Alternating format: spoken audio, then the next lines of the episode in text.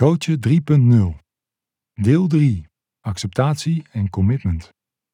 Geschreven en voorgelezen door Sergio van der Pluim. en Jaantje Tjarens. Stel je eens voor dat er twee magische pillen zouden bestaan. Eentje die ervoor zorgt dat je werkelijk gaat doen waar je van droomt, en eentje die je helpt om te gaan met alle moeilijkheden die je onderweg op je levenspad tegenkomt. En stel nu dat deze pillen niet alleen echt werken, maar bovendien geen bijwerkingen kennen. Zou je overwegen om ze in te nemen? En aangezien jij een coachende professional bent, zou je ze aan je coaches willen geven? Geloof het of niet, Acceptance and Commitment Therapy, ACT, biedt je precies die twee pillen aan. De ene heet commitment, de andere acceptatie. En natuurlijk zijn het geen pillen, maar vaardigheden, die ieder mens gewoon kan leren. Hoewel ACT officieel een therapeutische methode is, lijkt die meer op een vaardigheidstraining. Interessant voor jou als coach en professional is dat bijna ieder mens deze vaardigheden goed kan gebruiken. Denk hierbij aan omgaan met negatieve gedachten en lastige gevoelens, je aandacht managen, helderheid ontwikkelen over wat er echt toe doet in je leven, dingen doen die je spannend maar belangrijk vindt, leren van wat je onderweg meemaakt, vriendelijk zijn voor jezelf, juist ook als het tegenzit. Je kent vast wel de bekende Serenity Prayer. God, geef me de moed om te veranderen wat ik kan veranderen, de kalmte om te aanvaarden wat ik niet kan veranderen en de wijsheid om het verschil tussen beide te zien. Hoe inspirerend en aansprekend dit gebed ook is, het roept ook de vraag op: ja, maar hoe dan? ACT geeft er een compleet en praktisch toepasbaar antwoord op. In feite zijn alle vaardigheden die je met behulp van ACT kunt leren gericht op het vergroten van de psychologische flexibiliteit van jouzelf en je coaches. Psychologische flexibiliteit is het vermogen om open te staan voor wat je voelt en denkt, om doelbewust aanwezig te zijn bij je beleving van het hier en nu en om in elke omstandigheid bewust te kiezen voor een stap in de richting van wat je belangrijk vindt. Dit is vernieuwend, omdat veel mensen bij ongemakkelijke gevoelens of gedachten geneigd zijn om zichzelf af te leiden of er de strijd mee aan te gaan. Het lijkt wel alsof we in onze westerse cultuur aangeleerd krijgen dat het slecht is om je somber of verdrietig te voelen. Ook doen veel mensen niet wat ze diep in hun hart belangrijk vinden, omdat ze bang zijn om te falen, op te vallen of te worden afgewezen. Je kunt je vast voorstellen dat de afwezigheid van psychologische flexibiliteit bij ons ten koste gaat van vitaliteit, welzijn en levenslust. Er zijn steeds meer onderzoekers, therapeuten en schrijvers die een verband leggen tussen het ontbreken van psychologische flexibiliteit en allerlei geestelijke gezondheidsklachten, zoals burn-out, verslaving, angstklachten, depressie en suïcide. Stel je nu eens een wereld voor waarin mensen niet langer vechten tegen of vluchten voor hun innerlijke ervaring. Een wereld waarin psychologische flexibiliteit vanzelfsprekend is. Een wereld waarin mensen in contact staan met hun hart en daadwerkelijk doen wat ze belangrijk vinden. Dit is, durven wij te stellen, de visie van de wereldwijde gemeenschap van actbeoefenaars. Zoals gezegd, het is bepaald niet vanzelfsprekend dat we in onze huidige maatschappij de vaardigheden leren die samenhangen met psychologische flexibiliteit. Sterker nog, we leren eerder zaken die ons tegenwerken. De Vlaamse psychiater Dirk de Wachter verwoordt het treffend tijdens een lezing. Het probleem van deze wereld is de obsessie met gelukkig zijn. We zetten in op gelukkig zijn als ultiem doel van ons bestaan en juist dat veroorzaakt veel misère. Want in een maatschappij die de illusie creëert dat alles fantastisch moet zijn, hebben de lastigheden geen plaats. En omdat we geluk zien als het product van de BV-ik, worden de ongelukkigen al snel ziek genoemd. Hij pleit dan ook voor een normalisering van menselijke ongemakken, zoals somberheid, teleurstelling en rouw. Die hebben immers altijd bij het aardse bestaan gehoord. En pas wanneer we weer kunnen accepteren dat pijn en ongemak net zo goed bij het leven horen als geluk en succes, kunnen we er weer voor elkaar zijn, ook als het tegenzit. En juist daarin is volgens hem de zin van het leven te vinden. Er zijn voor elkaar. Ook onder ACT-beoefenaars wordt deze visie omarmd. De Australische arts en ACT-trainer Ross Harris noemde het dwangmatige streven naar geluk de happiness trap. Het gelijknamige boek werd een wereldwijde bestseller. Daarin beschrijft hij hoe Hollywoodfilms, reclames, sociale media en populaire tijdschriften ons voortdurend voorliegen met ideaalbeelden van hoe een mensenleven eruit zou moeten zien. Natuurlijk is er niks mis met streven naar een gelukkig leven, maar als je het nodig hebt om je voortdurend goed te voelen, raakt geluk juist steeds verder weg. Het paradoxale is dat de dingen die een mens diep geluk kunnen verschaffen, zoals een liefdesrelatie, ouderschap en betekenisvol werk verrichten, tegelijk ook de dingen zijn waarin we de grootste pijn tegenkomen. De realiteit is ook dat ieder mens wel een somber is en dat een groot deel van de mensen op een bepaald moment in zijn leven een depressie heeft. De levenskunst die ACT mensen aanraadt, bestaat onder andere uit het aanvaarden dat ieder mensenleven vreugde en verdriet, plezier en pijn, licht en donker kent en dat dit net zo normaal is als de afwisseling van de seizoenen en het fluctueren van het weer. En naarmate je meer bereid bent om alle smaken des levens te proeven, word je steeds vrijer om te zijn wie je wilt zijn. Door deze vrijheid kun je stap voor stap steeds meer gaan doen wat werkelijk belangrijk voor je is. En hoe meer je dat lukt, ja, hoe meer je een ander dieper soort geluk leert kennen, dat veel bestendiger is dan het oppervlakkige feel-good geluk dat de reclames en sociale media ons voorspiegelen. Ga doen wat je moet doen om te zijn wie je wilt zijn en maak ruimte voor ongemak en pijn. Zo zouden we de boodschap van ACT in één zin samenvatten. Maar eerst even terug naar de basis. ACT staat dus voor Acceptance and Commitment Therapy. Misschien denk je nu, maar wacht eens even, als ACT een therapievorm is, moet ik dan niet eerst een therapeut zijn om die te leren? Hierin kunnen we je geruststellen. Ook als coach, mentor, begeleider, trainer of hulpverlener kun je er prima mee werken. ACT is namelijk geen therapievorm waarmee je gaat graven in het verleden van je coachie, maar vooral een training in levenskunst. Je leert mensen nieuwe vaardigheden aan om een rijk en zinvol bestaan op te bouwen, ongeacht de omstandigheden. Natuurlijk werkt een psychotherapeut die ACT inzet met andersoortige en zwaardere problematiek dan een coach. Denk hierbij aan een trauma, angststoornis, depressie of ander psychisch lijden, zoals vermeld in de DSM-5. Maar er zijn meer dan genoeg thema's waarmee je als ACT-coach aan de slag kunt. Bijvoorbeeld piekeren, perfectionisme, pleasen, fear of missing out, ook wel bekend als FOMO, omgaan met lastige mensen en situaties, uitstelgedrag, verlegenheid, faalangst, eenzaamheid, stress, teleurstelling, verlies, rouwverwerking, werk- en privébalans en algehele richtingloosheid. Daarnaast kan ACT heel behulpzaam zijn voor mensen die niet zozeer zijn vastgelopen, maar graag vooruit willen komen of bepaalde dromen of idealen willen verwezenlijken. ACT-beoefenaars wereldwijd zijn het erover eens dat ACT altijd begint bij jezelf. Je kunt die als coach dus pas goed inzetten bij je coaches nadat je de verschillende processen zelf hebt ervaren en doorleefd. ACT gaat ervan uit dat we allemaal in hetzelfde schuitje zitten. Oftewel, we hebben allemaal zo onze dromen, idealen en doelen aan de ene kant en angsten, beperkingen, lastige gedachten en gevoelens aan de andere kant. Het mooie is dat je zelf dus ook veel aan ACT kunt hebben. Grote kans dat ACT ook jou als persoon meer vrijheid, voldoening, betekenis en levensmoed kan geven. Ervaring van Jaan. Als kind wilde ik zigeunerin worden. Het leek me geweldig om een huis op wielen te hebben en al viool spelend tot de harten van mensen te spreken. Vanuit een veilige, knusse plek in een steeds wisselende omgeving zou ik dan interessante mensen ontmoeten en de wereld ontdekken. Het is wonderlijk hoe jeugddromen heel anders kunnen lopen en dikwijls toch ook al een kern van waarheid bevatten. Na de middelbare school was ik een tijd lang zoekende. Ik wilde weten hoe de wereld in elkaar zat en wat mensen bewoog. Ik studeerde geschiedenis, stond een tijdje voor de klas en volgde allerlei opleidingen. In 2010 startte ik een eigen praktijk waarin ik jongeren en volwassenen tot op de dag van vandaag begeleid op hun levenspad, vaak nadat ze zijn vastgelopen. Ik bleef zoeken naar methoden waarin theorie en praktijk hand in hand gaan en waarbij hoofd, hart en handen op één lijn gebracht kunnen worden. In 2012 maakte ik kennis met ACT tijdens een cursus bij Peter Baldé en vond ik wat ik zocht.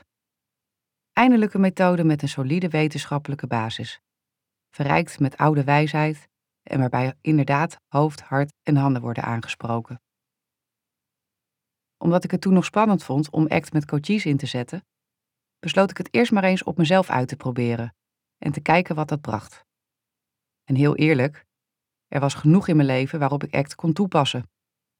Altijd onrustig was ik in de weer, rennend van hot naar her, als een combi van een bezige bij en een vluchtige vlinder.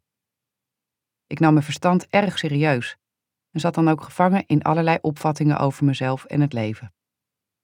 Stilstaan bij de meer duistere gevoelens, zoals eenzaamheid, machteloosheid, verdriet en woede, vond ik lastig, want ik was als de dood dat ik in een depressie zou belanden als ik echt ging voelen. Ik droomde ervan autonomer te zijn, maar uit angst voor afwijzing stelde ik de benodigde acties uit. Mijn zelfbeeld was soms positief en soms negatief gekleurd, afhankelijk van de rol die ik op dat moment vervulde en hoe ik mezelf evalueerde. Met behulp van ACT mocht ik een flinke groei doormaken als mens.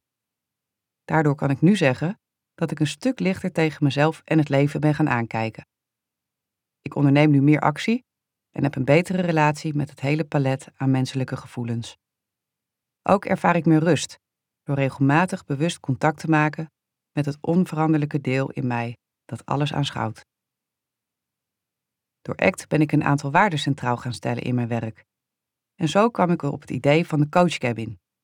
Een coachpraktijk op wielen. Hierin komt voor mij alles samen. De zigeunerin die ik vroeger wilde worden en de dingen waar ik nu voor wil staan. Zoals ruimte, tijd, natuur, verdieping, vrijheid, praktisch handelen en verbinding vanuit autonomie. Waarin verschilt ACT van andere coachmethoden? Veel coachmethoden zijn gericht op het veranderen van de belemmeringen van de coachie. De coach streeft er bijvoorbeeld naar de coachie af te helpen van lastige en niet helpende gedachten en gevoelens en deze te vervangen door positieve gedachten en gevoelens. Dit lijkt heel logisch, maar de evolutionaire psychologie stelt dat ons brein nu eenmaal voortdurend negatieve gedachten produceert om onze kans op overleving zo groot mogelijk te maken. De psycholoog Aart Oosterhuis legt dit in zijn blog treffend uit. Delen van onze hersenen, en vooral de amygdala, diep in de hersenstam, zijn continu bezig alle prikkels die op ons afkomen te filteren op iets dat mogelijk gevaarlijk kan zijn. Als zoiets voorbij komt, dan volgt een schrikrespons. Pas nadat dit gebeurd is, worden we ons bewust van wat we eigenlijk zien. Deze reactie is trager en loopt via de prefrontale cortex. Zo kan het gebeuren dat iemand kan schrikken van een tuinslang die in het gras ligt en zich er later pas van bewust wordt dat het geen gifslang is, maar een tuinslang. Maar je moet je er ook van bewust zijn dat je beter een tuinslang voor een gifslang kunt aanzien dan andersom. Het verhoogt immers je kans tot overleven. Op deze manier zijn we geëvolueerd tot een soort angsthazen. Al onze voorouders die niet bang waren voor de leven in de omgeving zijn immers opgegeten. Einde citaat. Met deze kennis in het achterhoofd kijkt ACT radicaal anders naar menselijk lijden dan de meeste therapeuten en coaches decennia lang hebben gedaan. ACT richt zich simpelweg niet op het bestrijden van symptomen. Niet het veranderen van de inhoud van je gedachte is het doel, maar het veranderen van de relatie tot die gedachte. Niet het afkomen van lastige gevoelens is het doel, maar het maken van ruimte hiervoor. Gedachten willen opgemerkt worden en gevoelens willen gevoeld worden, zo simpel is het. En laten we niet vergeten dat gedachten en gevoelens ook nuttige boodschappers kunnen zijn. Als je ze wat vaker observeert, zul je bovendien merken dat ze komen en gaan. Sterker nog, als onze gevoelens vrij mogen stromen, duren ze vaak veel minder lang dan wanneer we ons ertegen verzetten. De psycholoog Jung zei al: What you resist, persists. Doordat velen van ons innerlijk ongemak vermijden, doen we vaak niet wat we belangrijk vinden. Hierin wil ACT verandering aanbrengen. Door de worsteling met onze innerlijke ervaring simpelweg op te geven, ontstaan veel meer vrijheid, vitale energie en dus speelruimte. Door tegelijkertijd te onderzoeken wat nu echt belangrijk voor je is, kunnen jij en of je coaches deze speelruimte gebruiken om stappen te zetten in de richting van een rijk en betekenisvol leven. ACT is ontwikkeld door de psycholoog Stephen Hayes en zijn collega's. Als jonge jongen maakte Steven nare dingen mee, onder andere doordat zijn vader alcoholist was en zijn ouders heftige ruzies maakten. Op dat soort momenten voelde hij zich eenzaam en machteloos. Terugkijkend vertelt Steven dat toen de kiem werd gelegd voor zijn verlangen om psycholoog te worden en mensen te helpen. Later kampte hij met terugkerende paniekaanvallen die zijn carrière als wetenschapper danig in de weg stonden. In een aangrijpende TEDx-talk vertelt hij hoe hij tijdens een nachtelijke paniekaanval tot het besef kwam dat zijn innerlijke criticus behoorlijk veel macht over hem had gekregen. Maar op dat moment nam hij een besluit. Hij zou nooit meer wegrennen voor zijn innerlijke ervaring. Al snel kreeg Steven in de gaten dat vrijwel ieder mens baat zou kunnen hebben bij wat meer psychologische flexibiliteit. Omdat hij niet over één nacht ijs wilde gaan, deed hij jarenlang, samen met een team van wetenschappers, zeer grondig onderzoek naar de werking van alle ACT-processen. Ook ontwikkelden zij een onderliggende theorie over de rol van taal en cognitie, de Relational Frame Theory, afgekort tot RFT. Daardoor kunnen we inmiddels spreken van een methode met een zeer solide wetenschappelijke onderbouwing. Laten we even uitzoomen. ACT behoort tot de derde generatie gedragstherapieën. De eerste generatie ontstond in de jaren 50 van de vorige eeuw onder leiding van wetenschappers zoals Skinner. Door dierexperimenten werden leerprincipes ontdekt en toegepast op het gedrag van mensen. Het idee hierbij was dat je gedrag kon beïnvloeden door straffen en belonen. Door de consequentie die volgt op gedrag, belonend of bestraffend, neemt dit gedrag toe of juist af. Zo ken je vast het onderzoek van Pavlov, waarin hij het voeren van honden combineerde met het klinken van een bel. Na een tijdje was dat klinken al voldoende om de honden te laten kwijlen. De tweede generatie betreft de cognitieve gedragstherapieën. Die ontstonden vanuit onvrede met de eerste generatie. Want enkel belonen of straffen bleek vaak niet voldoende om gedrag te verklaren. Kennelijk stond er nog meer in de weg om tot gewenst gedrag te komen, de manier waarop we denken. De tweede generatie stelde zichzelf ten doel om de sturende rol van onze gedachten te onderzoeken en verhelderen. Het centrale idee dat hierbij ontstond, was dat niet helpende gedachten leiden tot niet helpende emoties, die vervolgens leiden tot automatisch en ineffectief gedrag. Hierop voortbouwend ontwikkelden pioniers zoals Albert Ellis en Aaron Beck allerlei werkwijzen die gericht waren op het veranderen van de inhoud van niet helpende of niet kloppende irrationele gedachten. Hun aanname was dat hierdoor ook de gevoelens en of het gedrag zouden veranderen in een constructievere richting. Hoe logisch deze aanname ook mogen klinken, toch leek er iets niet te kloppen. Stephen Hayes beschrijft hoe hij merkte dat de cognitief gedragstherapeutische benadering, ook wel CGT-benadering, niet werkte bij zijn eigen angst- en paniekaanvallen. Omdat hij voor zijn patiënten nog steeds met CGT werkte, begon hij zich steeds meer een bedrieger te voelen. Hij besloot samen met zijn studenten grondig te onderzoeken of de aannames van de CGT wel klopten. Een illustratief onderzoek was dat van Erwin Rosenfarb. Hij herhaalde een onderzoek waarbij kinderen die bang waren in het donker langer in een donkere kamer konden blijven nadat zij een korte video hadden gezien waarin ze werd geadviseerd om positieve dingen tegen zichzelf te zeggen, zoals ik ben een dappere jongen of dapper meisje en ik kan in het donker blijven. Erwin wilde onderzoeken of dit inderdaad kwam door de helpende gedachte of door iets anders.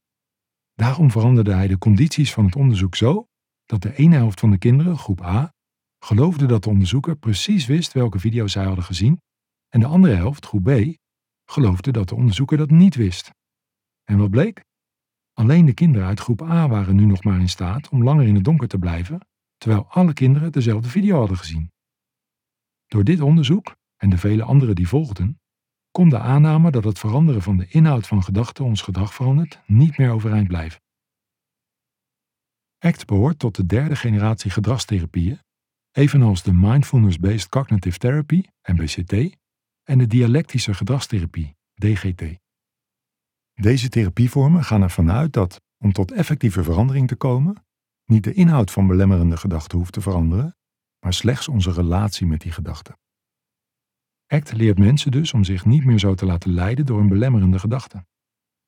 Hierdoor gaan ze hun gedachten lichter opnemen en meer zien voor wat ze zijn, voorbijgaande woorden en beelden in de geest, soms heel nuttig en soms overbodige ruis. De belangrijkste grondleggers van ACT, Stephen Hayes, Kelly Wilson en Kirk Strozaal, wonen en werken in Amerika. ACT is daar al goed ingeburgerd en wordt, behalve als therapievorm, ook steeds vaker bij coaching ingezet. De coaches die zich ermee bezighouden zijn het erover eens dat ACT ongekende mogelijkheden biedt, juist ook voor coaching. Een verklaring hiervoor is dat ACT juist het gezonde deel van de mens aanspreekt en inhaakt op algemeen menselijke processen. Volgens ons is het een kwestie van tijd totdat ACT ook in Nederland een van de belangrijkste en meest gekozen coachmethoden zal worden. Voordelen van coachen met ACT. ACT heeft voor coaches mooie bijkomstigheden. Wat vind je bijvoorbeeld van de volgende voordelen? 1. Je kunt alles wat je anderen leert ook prima voor jezelf inzetten. Belangrijk in ACT is dat men ervan uitgaat dat coach en coachee in hetzelfde schuitje zitten en dus vergelijkbare processen doormaken in hun hoofd. Er is geen wezenlijk verschil tussen coachie en coach. alleen hun rol van dat moment verschilt. 2. Daardoor is ACT radicaal gelijkwaardig. In ACT-gesprekken is dikwijls sprake van een besef van gedeelde menselijkheid, waardoor al snel een prettige samenwerking en een bijzondere vorm van nabijheid ontstaan. 3. Doordat ACT hinderlijke gevoelens en gedachten volkomen normaal acht, is de onderliggende boodschap: er is niets mis met jou. We hebben dit allemaal. ACT kan jou leren om hiermee om te gaan. Hierdoor vermindert de kans op weerstand en slachtofferschap bij de coachie. 4.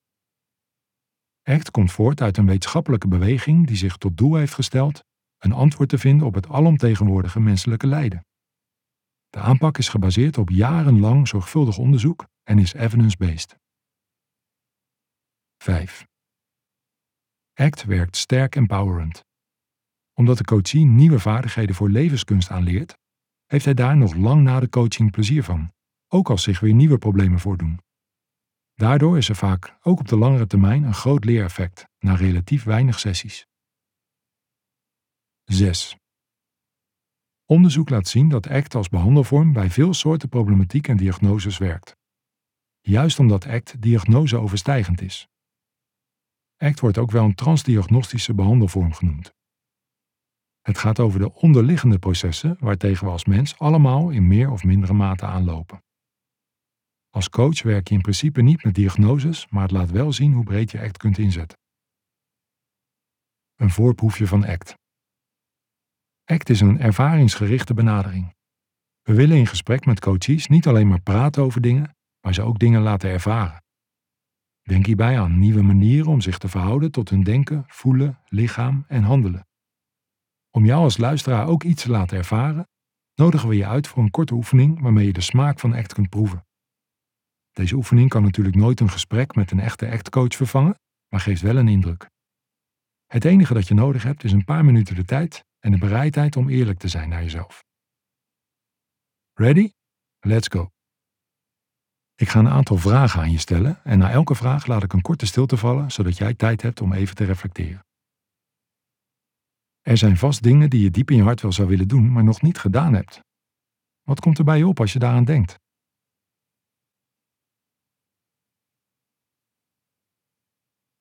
En wat maakt datgene belangrijk voor je?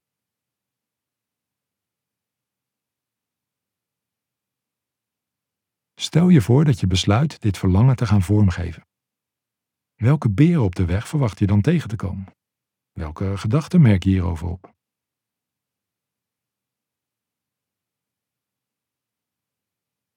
Wat als je kunt leren die gedachten gewoon links te laten liggen en kleine stappen gaat zetten in de gewenste richting?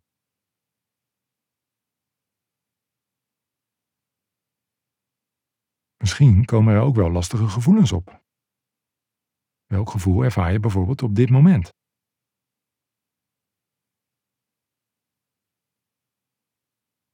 Wat als je met dit gevoel gewoon onderweg kunt gaan, zonder dat je hoeft te wachten totdat je je beter voelt?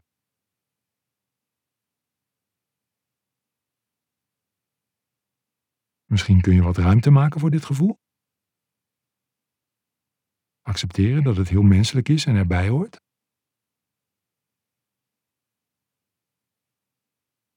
Dat als het niet een beetje spannend was, iedereen zou doen waar jij van droomt? En is het dan eigenlijk nog wel bijzonder?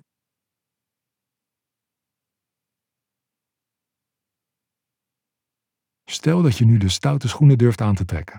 Wat zou dan een klein stapje in de gewenste richting kunnen zijn?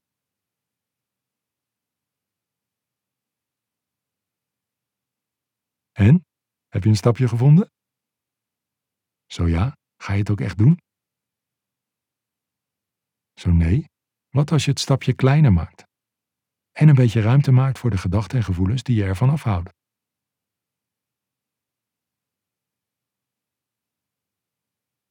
Tot zover de oefening. Onze complimenten als je die echt gedaan hebt. En zo niet, geen zorgen, de oefening wacht geduldig op je.